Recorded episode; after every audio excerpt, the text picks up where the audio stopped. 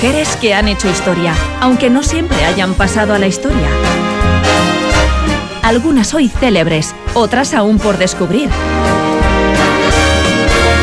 Algunas heroínas, otras villanas, todas singulares. Es tiempo de hacer visible lo invisible.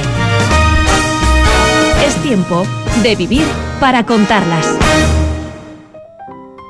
Todo el mundo, incluso sin haber abierto uno de sus libros, conoce a Agatha Christie, es la protagonista de nuestro Vivir para contarlas. Ella es la reina, sigue siendo lo de la novela negra, la gran dama del crimen, la novelista con más obras vendidas de todos los tiempos. Eso lo dice el libro Guinness de los Récords, así que tenía que estar en este Vivir para contarlas, Edurne Baz, y vamos a descubrir una vida muy interesante con episodios que nos van a llamar la atención. Sí, porque, claro, ¿qué sabemos realmente de la mujer que se escondía tras esa compulsiva, ¿no? Que sabemos de la viajera impenitente, de la arqueóloga apasionada, de la pianista y cantante de ópera frustrada, de la glotona confesa. Nadie sabe a ciencia cierta qué pasó durante aquellos 11 días de 1926 en los que se le perdió por completo el rastro, pero que sabemos en realidad de lo que ocurrió también antes y después de aquel suceso misterioso. Ella no lo ponía muy fácil tampoco porque evitaba las entrevistas y las fotografías, pero hoy en Vivir para contarlas nos vamos a sumergir en la fascinante biografía de Agatha Christie.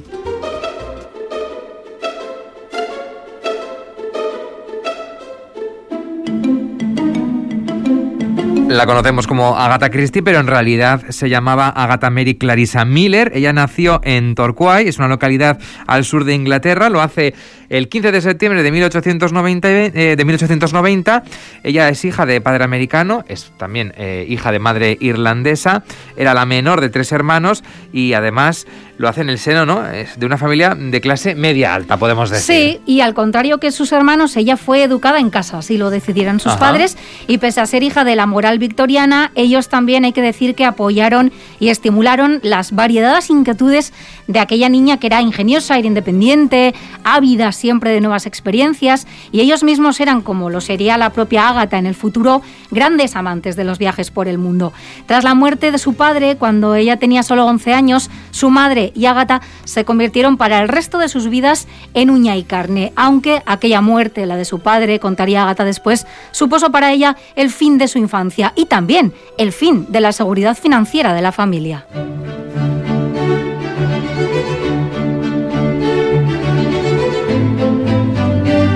Pues vamos a centrarnos en los primeros años eh, de vida de Agatha Christie, una niña que podemos decir que es un tanto eh, solitaria, que disfrutaba leyendo, ¿no? Como muchos y muchos niños. Eh, de forma particular le gustaban las novelas de Charles Dickens, aunque también no mm, hemos leído que disfrutaba con Arthur Conan Doyle, por cierto, personaje suyo de Conan Doyle, Sherlock Holmes, que tuvo en ella una influencia claramente innegable. Sí, sí. Y también le gustaba perderse pues entre las páginas de Walter Scott, de John Milton, de Jane Austen, de Chesterton o de Edgar Allan Poe. Otra actividad de la que siempre disfrutó fueron los deportes, que era algo poco frecuente entre las mujeres de su tiempo. Y es que... Un rasgo que vamos a ir viendo, sí, ¿eh? ella no era una persona convencional, eh, esas cosas no iban con su personalidad y estando ya comprometida con otro hombre, recordemos, en ese contexto casi victoriano, conoció al atractivo aviador Archibald Christie y dijo, ¡uh! ¿Qué ha pasado aquí? Se enamoraron, ella rompió el compromiso que tenía y solo unos meses después, en la noche buena de 1914 y aprovechando un permiso de Archie en plena Primera Guerra Mundial, se casaron, aunque en su primer año de matrimonio solo pasaron juntos seis días, ya que él tuvo que reincorporarse a su labor como piloto, destinado en este caso en Francia, para combatir a las fuerzas alemanas. Y también ella asumió una labor frecuente entre las mujeres durante aquel periodo, la de enfermera voluntaria. Fue en aquella época cuando su hermana, que era en realidad en principio la que escribía en la familia, ¿no? le lanzó a Agatha un desafío un reto que iba a cambiar el rumbo de su vida. Le preguntó, ¿tú crees que serías capaz de escribir una de esas novelas de detectives que tanto nos gusta leer? Se le retaron y como ya era una mujer de desafíos, ¿no? No, no decía que no a nada, eh, se puso manos a la obra. Sí, y se dio cuenta de que aquello era más exigente igual de lo que había calculado. Pero había talento. Que había talento, había talento, pero hacía falta también concentración. Y entonces decidió aislarse en un hotel de los páramos del sur de Inglaterra en el que siguió una estricta rutina que incluía escribir por la mañana, correr, eh, o sea, comer, bueno, algo correría también, leer y paseaba por la tarde, eso sí, luego cenar y dormir, atención, 12 horas. Pura disciplina. Hombre, eso lo necesita y tras dos semanas de aislamiento reapareció con su primera novela terminada, El misterioso caso de Styles, en la que aparecía por primera vez el después célebre investigador Hércules Poirot, un ex policía belga refugiado en Gran Bretaña tras la invasión alemana de su país, y este además sería uno de los principales personajes de Agatha Christie. Apareció en 33 de sus novelas y en 54 relatos cortos. Es un buen material, Poirot. ¿Suicida misterioso, empleado fugado, mecanógrafa desaparecida? Pues no me siento atraído por ninguno de ellos, mon ami. Además, tengo muchos asuntos particulares que atender. ¿Como por ejemplo? Como mi vestuario, Hastings. Y también... Eh, sí. Creo que es momento de recortar un poco mi bigote y darme la pomada.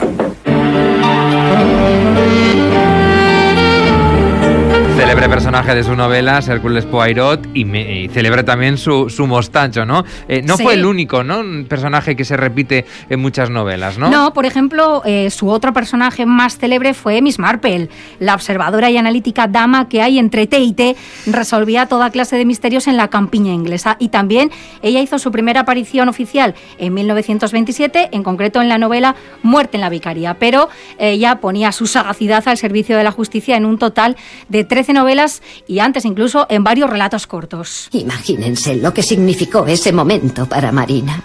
Llevaba años incubando su odio por la persona desconocida causante de su tragedia. Y de pronto se encuentra con esa persona cara a cara. Una persona que parecía feliz y despreocupada y totalmente satisfecha consigo misma. Fue más de lo que pudo soportar.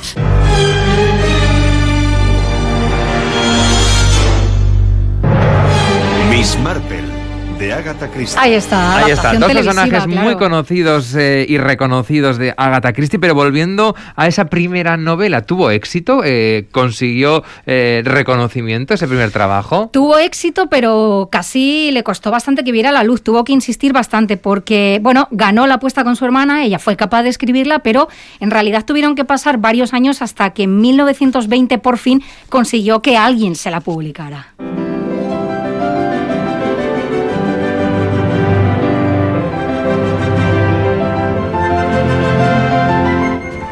Y poco después del fin de la Primera Guerra Mundial, en agosto de 1919, hay que decir que nació su única hija, Rosalind, y bueno, pues hoy esto ya le trajo también sus alegrías. Sí, ¿eh? no eran buenos tiempos para esa inquieta pareja que compartía toda clase de aficiones, eh, los viajes, la práctica de deportes que señalábamos antes. Por ejemplo, eh, entre ellos estaba el golf o el surf. Sí, esto fue muy pionero también. Tras dejar a Rosalind con la madre de Agatha y en el marco de una expedición comercial del Imperio Británico, viajaron Archie y ella por Sudáfrica, Australia, Nueva Zelanda, y Hawái y en Waikiki, en concreto, fue donde se iban a convertir en los primeros británicos en practicar el surf, ¿no? Y hay una fotografía célebre en la que se puede ver a Agatha Christie posando sonriente junto a una tabla de surf muy grande, ¿no? Que es una foto maravillosa. Bueno, pues juntos recorrieron 40.000 millas en 10 meses, pero ay, la felicidad no iba a durar para siempre, porque a finales de 1926 Archie confesó que se había enamorado de otra mujer, de Nancy Neal, y le pidió a Agatha el divorcio, algo a lo que ella se negó. Y una noche, después de que Archie se marchara de casa para pasar el fin de semana con su amante, la escritora, que había cosechado buenas críticas, aunque todavía no era tan conocida como lo sería después, le dio un beso a su niña de siete años que estaba durmiendo y desapareció sin dejar rastro.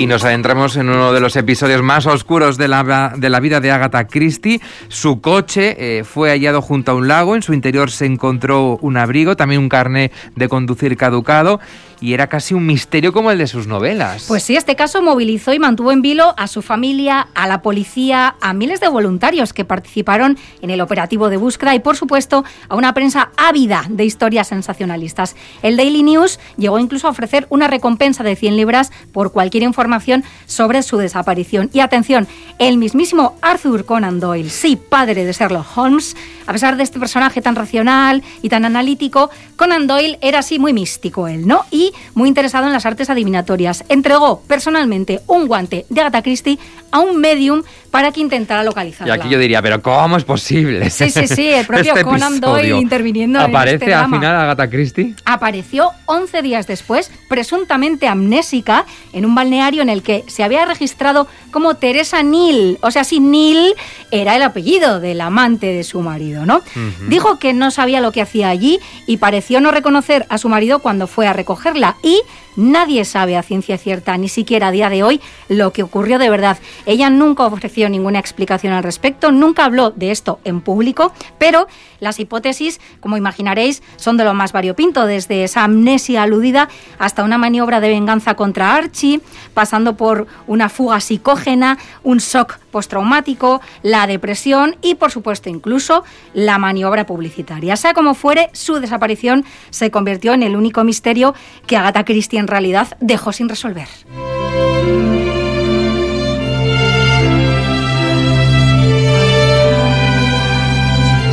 Ella no quiso dar demasiadas explicaciones sobre lo que eh, le había ocurrido, la depresión, fuera o no la causa eh, que se ocultó tras esa desaparición. En cualquier caso, no fue demasiado ajena ¿no? a, la, a la vida de Agatha Christie. No, su vida fue una constante lucha entre ese carácter hedonista, intrépido que tenía y también sus intentos por mantener a raya sus demonios. Su angustia, además, se vio agravada en este momento particular de su vida por la devastadora pérdida de su madre y por la traición de su marido, ¿no? Dos acontecimientos demasiado cercanos en el tiempo como para poder digerirlos con facilidad. El matrimonio se disolvió finalmente en 1928 y solo dos semanas después Archie se casó con Nancy Neal, mientras que Agatha recibió la custodia de Rosalind. Y ambas se refugiaron en lo que tantas satisfacciones había dado a Agatha en el pasado y lo volvería a hacer en el futuro, viajar. Juntas visitaron las Islas Canarias. Mira. Y durante este tiempo ella además terminó otro libro, El misterio del tren azul. Pero a finales de ese mismo año, aparcando momentáneamente su gran especialidad, probó suerte en otro género inesperado, la novela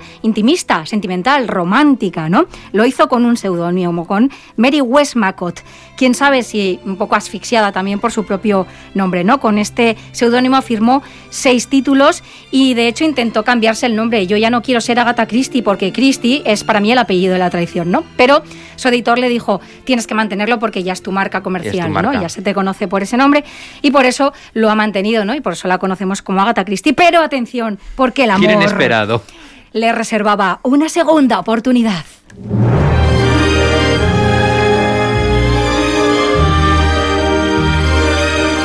Para hallar a esa segunda oportunidad tenemos que situarnos en Irak, ¿no? Durante un viaje a Bagdad, eh, allí conoció en un yacimiento precisamente al arqueólogo eh, Max eh, Malowan. Ella lo definió, escribió sobre él y dijo que era un hombre delgado, moreno, joven y muy tranquilo. Así es, y al principio fueron muy buenos amigos, pero bueno, esa amistad derivó también en amor y él tenía 14 años menos, esto a Agatha le generaba problemas, volvamos a la moral victoriana, ¿no?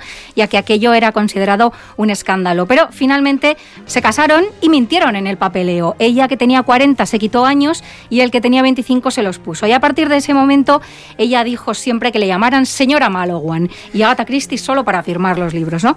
Y al contrario que su primer esta sí que fue una unión ya basada en el amor, la confianza, la complicidad, el respeto y una afinidad total. Juntos viajaron por todo el mundo y debido precisamente al trabajo de Max, Agatha descubrió la arqueología, una disciplina que ya iba a amar durante el resto de su vida, en la que se implicó además restaurando y clasificando muestras o incluso financiando anónimamente varias expediciones y, Y que, que al luego se colaban también en sus novelas, ¿no? Claro, sí, ella siempre se inspiraba en su entorno y en sus experiencias y, por ejemplo, en Muerte en el Nilo, entre otros casos, pues está presente esa parte arqueológica, ¿no?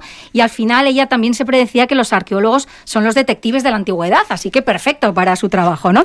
Estuvieron juntos el resto de su vida hasta que Ágata murió el 12 de enero de 1976 con 85 años, ya con demencia también, pero esos 46 años de amor y, y fidelidad y, bueno, fidelidad no se sabe del todo bien, pero desde luego afinidad completa, ¿no?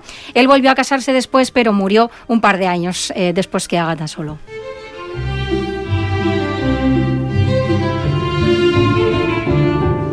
Estamos descubriendo una vida totalmente fascinante, con algún episodio oscuro en la vida de Agatha Christie.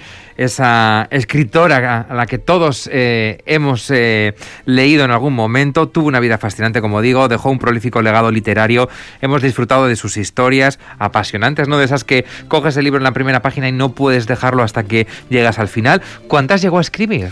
Pues se publicó un total de 66 novelas policíacas, 6 novelas intimistas firmadas con ese seudónimo de Mary Westmacott, relatos cortos, tres libros de poesía, un libro infantil también, dos autobiografías que se publicaron después de su muerte. En la primera recorre su vida personal y profesional hasta 1965 y en la segunda, que es muy interesante, más incluso, relata sus experiencias en Medio Oriente junto a su segundo marido, ya Max Mallowan.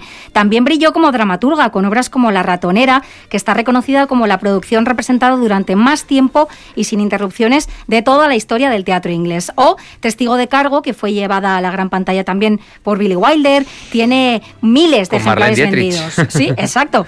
El libro Guinness de los récords calificó, como decíamos, a Agatha Christie como la novela, la novelista que más obras ha vendido de todos los tiempos. Son, de hecho, las más vendidas del mundo, solo por detrás de William Shakespeare y de la Biblia. ¿eh? Y bueno, muchos de sus trabajos, además, han sido adaptados con mayor o menor tino, pues al cine, a la televisión, a la radio también. Venga, vamos a repasar algunas de las obras más célebres de, de Agatha Christie. Eh, entre ellas está Diez Negritos, que luego ha cambiado el nombre, por sí, cierto. ahora en Francia ya le han cambiado el nombre por Eran Diez, por cuestiones también ya de corrección política, ¿no? Asesinato en el Orient Express, por ejemplo, Muerte en el Nilo, Muerte en la Vicaría, el asesinato de Roger Ackroyd, bueno, todas con un planteamiento similar, ¿no? Sí, todas tienen algo en común, ¿no? Uno, varios crímenes por resolver, un sinfín de, de sospechosos posibles y luego siempre está esa mente eh, preclara que acaba por sacar a la luz la verdad de lo que está pasando, de lo que ha ocurrido. Y ¿Quién muy es el importante, asesino? ¿eh? para que funcione, esto lo tenía ya claro, que Eso tiene que estar atado y bien atado. el detective llega a la conclusión al mismo tiempo que el lector. Voilà.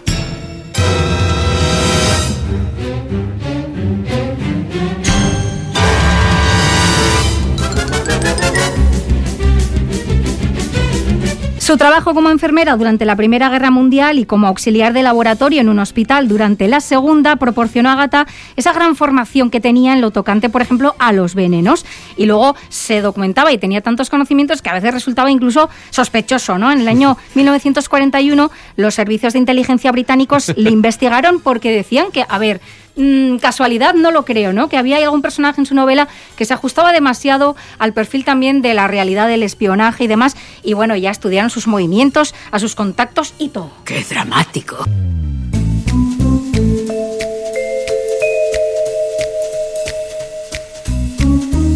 Agatha Christie no fue una entrañable señora inglesa que tecleaba en su máquina de escribir entre taza y taza de té, sino otra cosa muy distinta. No era una suerte de, de Jessica Fletcher. No era Miss Marple tampoco, ¿no? Como algunos eh, pues tienen ahí en su mente.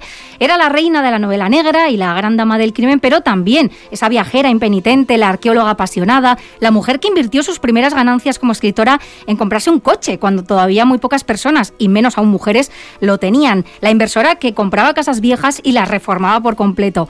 La que daba forma a sus tramas desde su bañera victoriana mientras se comía manzanas. Una confesa glotona que además a partir de los 40 años sumó kilos y sumó complejos y que rara vez sonreía en las fotos porque le disgustaban sus dientes. La dama comandante de la Orden del Imperio Británico, entre otras muchas distinciones, una involuntaria celebridad de naturaleza en realidad tímida y reservada y una mujer, en resumen, disfrutona y poco convencional que vivió rodeada de aventura y misterio, pero que saboreó también la angustia y el abandono. Ella misma escribió, aprendí que no se puede dar marcha atrás, que la esencia de la vida es ir hacia adelante. La vida, en realidad, es una calle de sentido único. Hemos querido repasar la vida de Agatha Christie. Yo me quedo con ese guante de la escritora que Conan Arthur, Doyle. Doyle, Arthur Conan Doyle entregó a una medium para tratar de localizarla y también la imagen de Agatha Christie la tabla de surf. ¿eh? Maravillosa. Maravillosa fotografía. En Google. Hay que seguir disfrutando de sus novelas porque pasa el tiempo, pero no pasan precisamente el tiempo por sus novelas. No, No, no, no, son imperecederas. Edu Rebaz, es que ricasco. Y la semana que viene seguiremos disfrutando de estas mujeres que visibilizamos, cuya vida desconocemos, eh, bueno, pues eh, muchas eh, matices que nos hacen entender cómo eran en realidad.